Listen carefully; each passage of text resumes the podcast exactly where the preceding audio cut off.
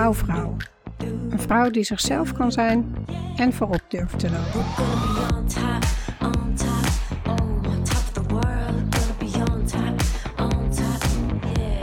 Welkom bij de podcast voor ambitieuze vrouwelijke leiders die dicht bij zichzelf willen blijven en leiden vanuit hun hart en intuïtie.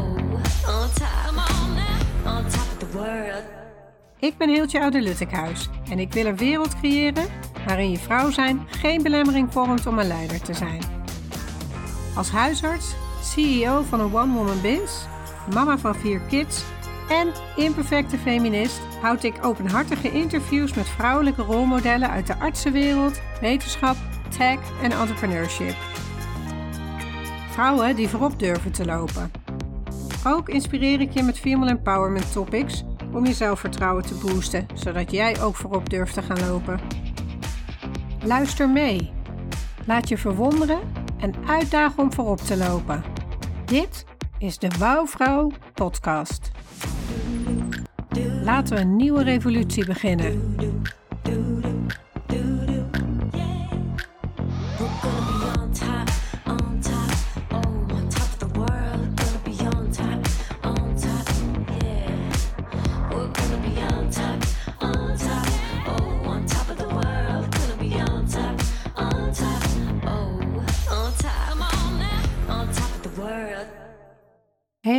Hallo. Welkom bij weer een nieuwe aflevering van Wouwvrouw de podcast. Deze aflevering gaat over zes briljant slimme manieren waarop jij ongemerkt van je dromen wegblijft. Op de website kun je de podcast inspiratiepagina downloaden met een samenvatting van deze zes briljante uitstelbewegingen en de manieren om voorop te durven lopen. Veel luisterplezier en durf te stralen. Your playing small does not serve the world. Marianne Williamson. Je dient de wereld niet door jezelf klein te houden. Dit wordt een uitdagende aflevering voor je. Ik wil je namelijk laten zien dat je je verstopt. Dat je je kleiner maakt om niet in het licht te hoeven staan. Dit is een citaat uit een hele bekende passage van het boek A Return to Love van Marianne Williamson uit 1992. Tot zij zichzelf kandidaat stelde voor het presidentschap van Amerika in 2020, werd het citaat bijna altijd toegeschreven aan Nelson Mandela, die het voordroeg tijdens zijn inaugurele rede in 1996. Genoeg geschiedenis, dat is een ander verhaal dan ik vandaag wil vertellen. Our deepest fear is not that we are inadequate. Our deepest fear is that we are powerful beyond measure. It is our light, not our darkness, that most frightens us. We ask ourselves, Who am I to be brilliant, gorgeous, talented, fabulous? Actually, who are you not to be? You are a child of God. Your playing small does not serve the world. There is nothing enlightened about shrinking so that other people won't feel insecure around you. We are all meant to shine, as children do. We were born to make manifest the glory of God that is within us. It's not just in some of us, it's in everyone. And as we let our light shine, we unconsciously give other people permission to do the same. As we are liberated from our own fear, our presence automatically liberates others. Wie ben je niet om krachtig, prachtig en talentvol te zijn? Durf te stralen, het is de bedoeling. Rustig maar, ik wil je niet aanvallen. Verstoppen heeft voor mij iets actiefs in zich. Dat je je bewust verstopt om een bepaalde uitkomst te vermijden, dat bedoel ik hier dus niet. Ongetwijfeld ben je een briljante vrouw en herken je jezelf in een van de briljante uitstelbewegingen die ik in deze aflevering met je deel. Het zijn manieren die we onszelf hebben aangeleerd, die ons zijn ingefluisterd of waarvan we denken dat het zo hoort. Het zijn gedragingen die ons juist weghouden van voldoening en de positieve impact die we op de wereld en de mensen om ons heen willen maken. Tegelijkertijd laten deze strategieën ons geloven dat we heel goed bezig zijn. Bedenk goed, je bent een briljante vrouw. Je mind moet dus hele slimme trucs verzinnen om jou weg te houden van je missie. Jouw brein vindt dat namelijk veel te gevaarlijk voor je. Dus neem vooral een kopje zelfcompassie erbij als je deze aflevering zit te luisteren. Want als je ze doorhebt, word je je er ook bewuster van waar je jezelf dus ongemerkt tegenhoudt om die volgende stap te maken. Drink een slokje zelfcompassie en neem jezelf voor aardig tegen jezelf te zijn als je deze uitstelbewegingen bij jezelf herkent. Laat ik beginnen met de meest voorkomende strategie, waarover ik ook al vaker gesproken heb. Ook één waardoor bij jou nu allerlei bellen gaan rinkelen, of waardoor de neezegger op je schouder aangaat. Ik heb dat helemaal niet hoor. Mijn mentor Tara Moore noemde het in het Engels zo mooi: Ever more education. Onophoudelijk opleidingen volgen. Ik gok dat als jij denkt aan de eerste stap die je moet zetten om jouw droomdoel te realiseren, er een cursus of opleiding bij je in gedachten komt. Wil je een B&B in Spanje beginnen? Ga je Spaans leren. Wil je een yoga-retreat organiseren? Moet je eerst een opleiding tot yogadocent doen, ook al heb je al 13 jaar zelf in de meest uitdagende yoga-poses gestaan. Vaak geloven we dat we eerst een opleiding of diploma nodig hebben om de volgende stap te maken.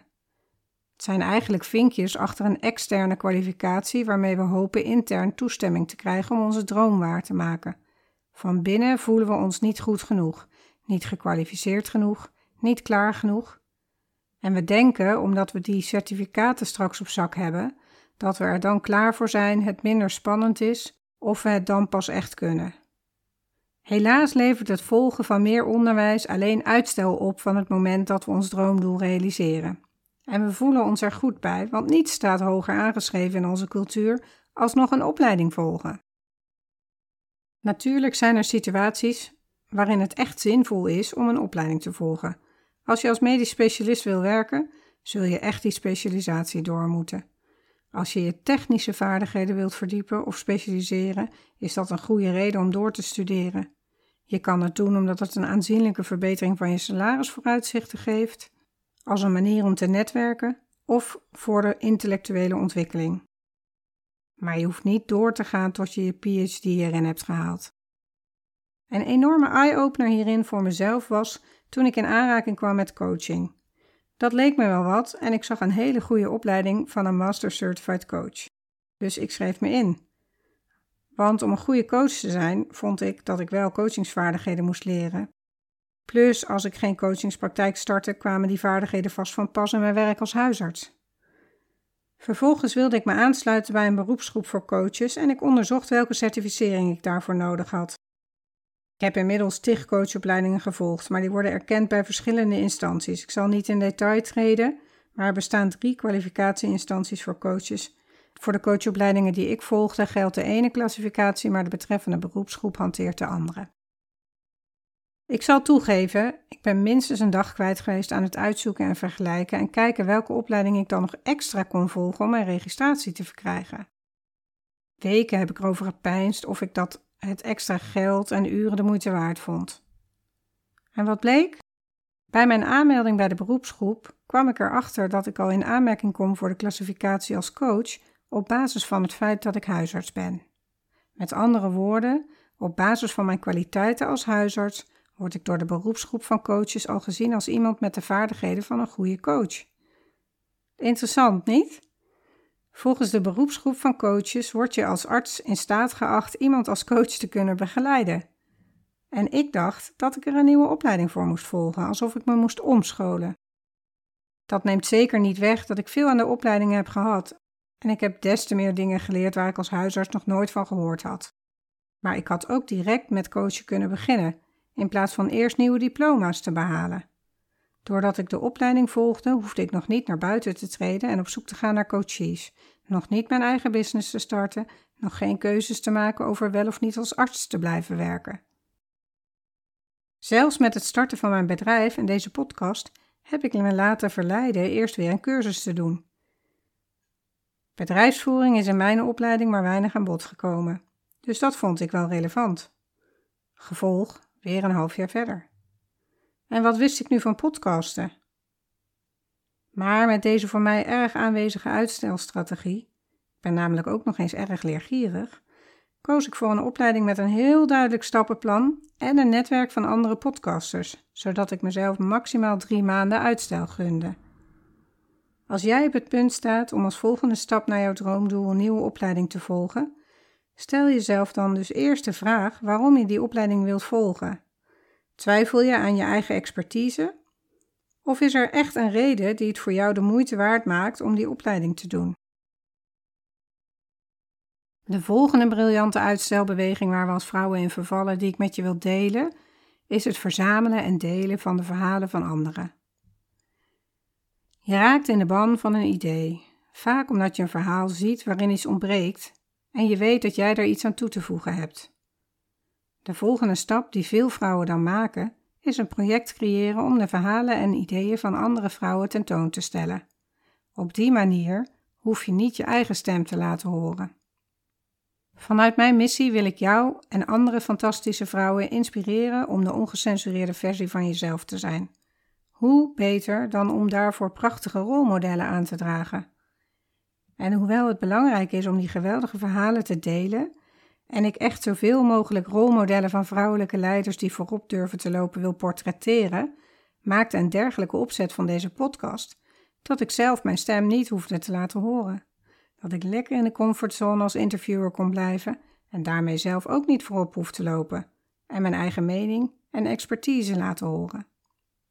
In enige lijn hiermee valt het weglaten van je eigen verhaal.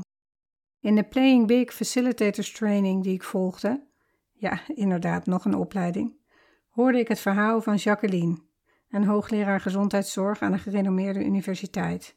Jarenlang had zij wetenschappelijk onderzoek verricht en colleges gegeven gericht op de behandeling en het voorkomen van kindermishandeling. En jarenlang had zij verzwegen welke mishandelingen zij zelf in haar jeugd had doorstaan, tot ze zich begon te realiseren dat het in belang van haar eigen integriteit en levensmissie, namelijk het aantal kinderen dat in angst opgroeit verminderen, was om haar eigen verhaal op te nemen in haar beroepsleven. Doordat ze verhalen uit haar jeugd koppelde aan de onderzoeksresultaten waar ze aan refereerde, werd ze al gauw niet alleen een academische autoriteit op dit gebied, maar ook een rolmodel en voorbeeld voor hoe je tegenslagen te boven kunt komen. Hierdoor kreeg ze kansen om haar invloed op een nog breder vlak uit te oefenen. Playing big of je dromen groter laten zijn dan je angsten brengt altijd met zich mee dat je je eigen verhaal op de een of andere manier moet vertellen of jezelf kwetsbaar op moet stellen door dat te doen. Het maakt je een authentieker persoon en een authentiekere leider. Door je eigen verhaal te laten horen en te delen waarom je doet wat je doet, win je aan zeggingskracht. Dit is ook een van de redenen waarom ik heb gekozen mijn eigen hele verhaal te delen in een van de eerste afleveringen van deze podcast. Om te laten zien waarom ik doe wat ik doe. Waarom mijn hart aangewakkerd wordt door de ongelijkheid tussen mannen en vrouwen.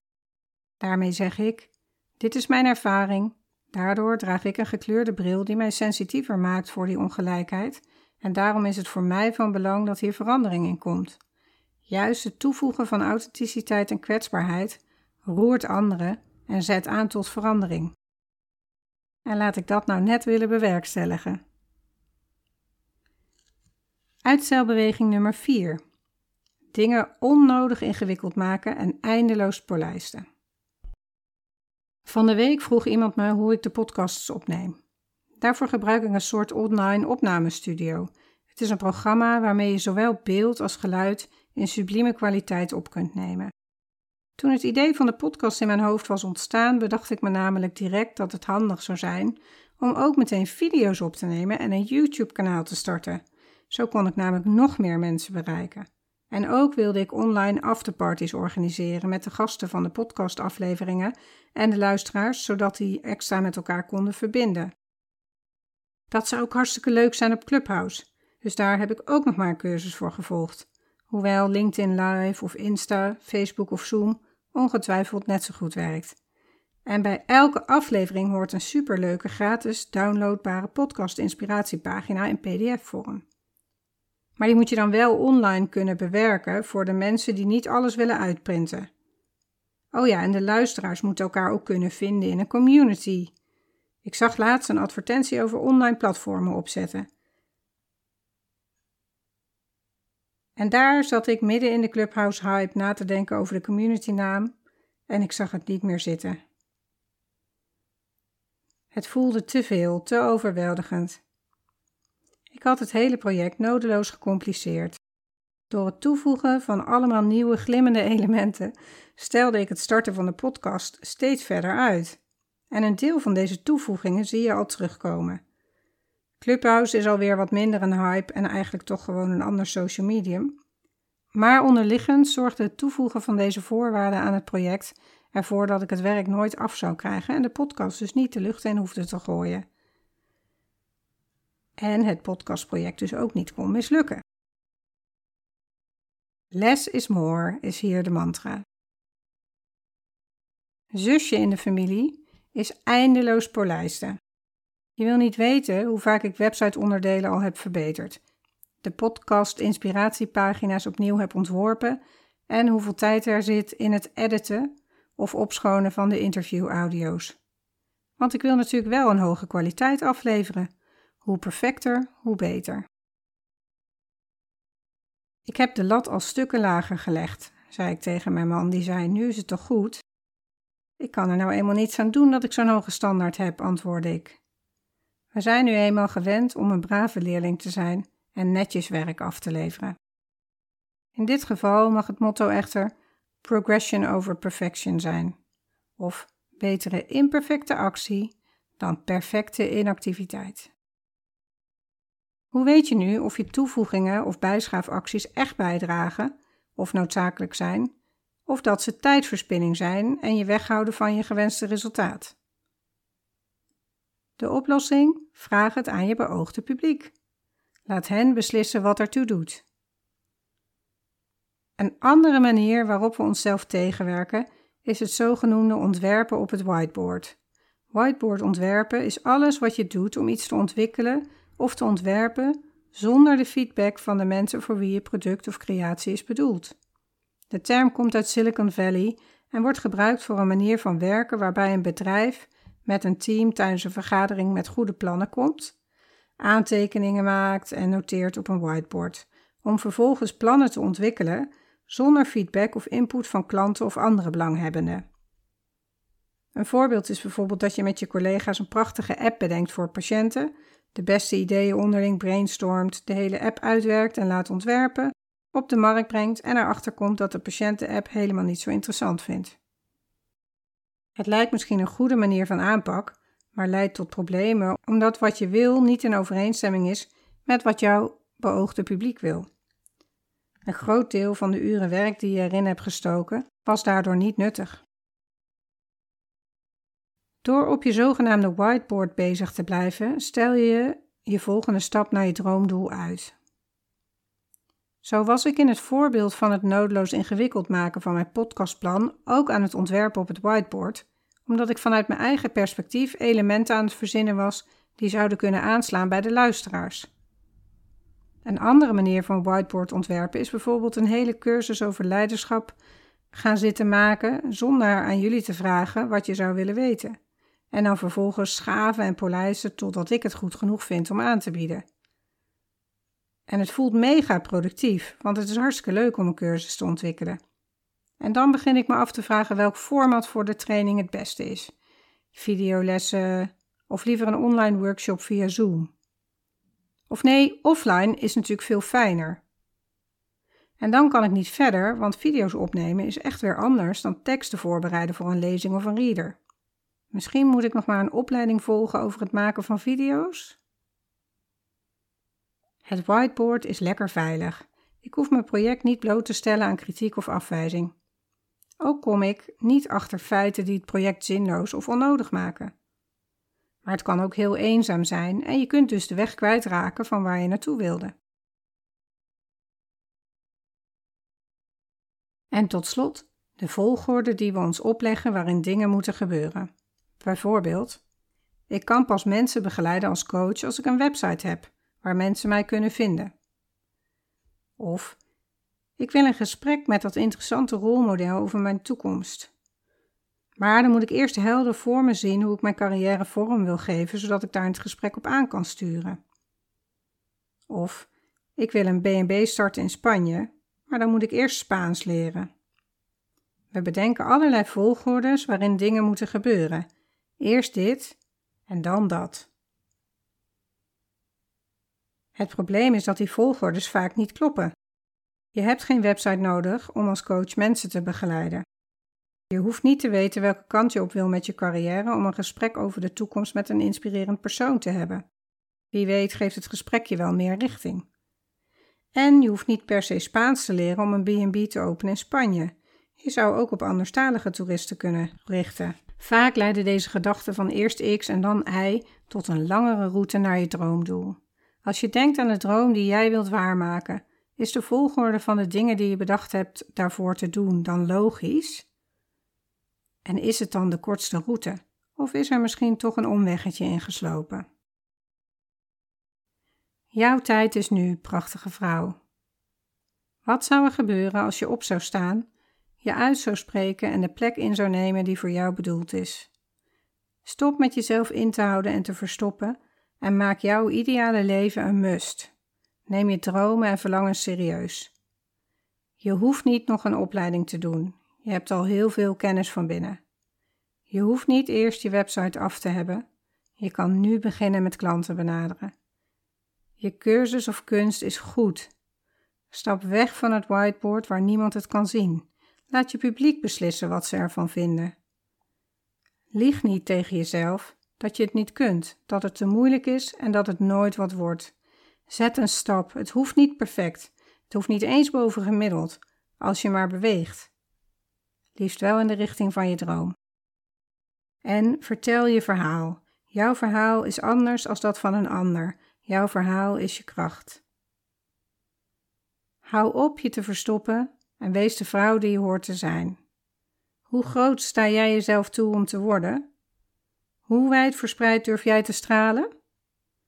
Shine your light. You are amazing. Dankjewel voor het luisteren. Let's start a revolution. Are you in?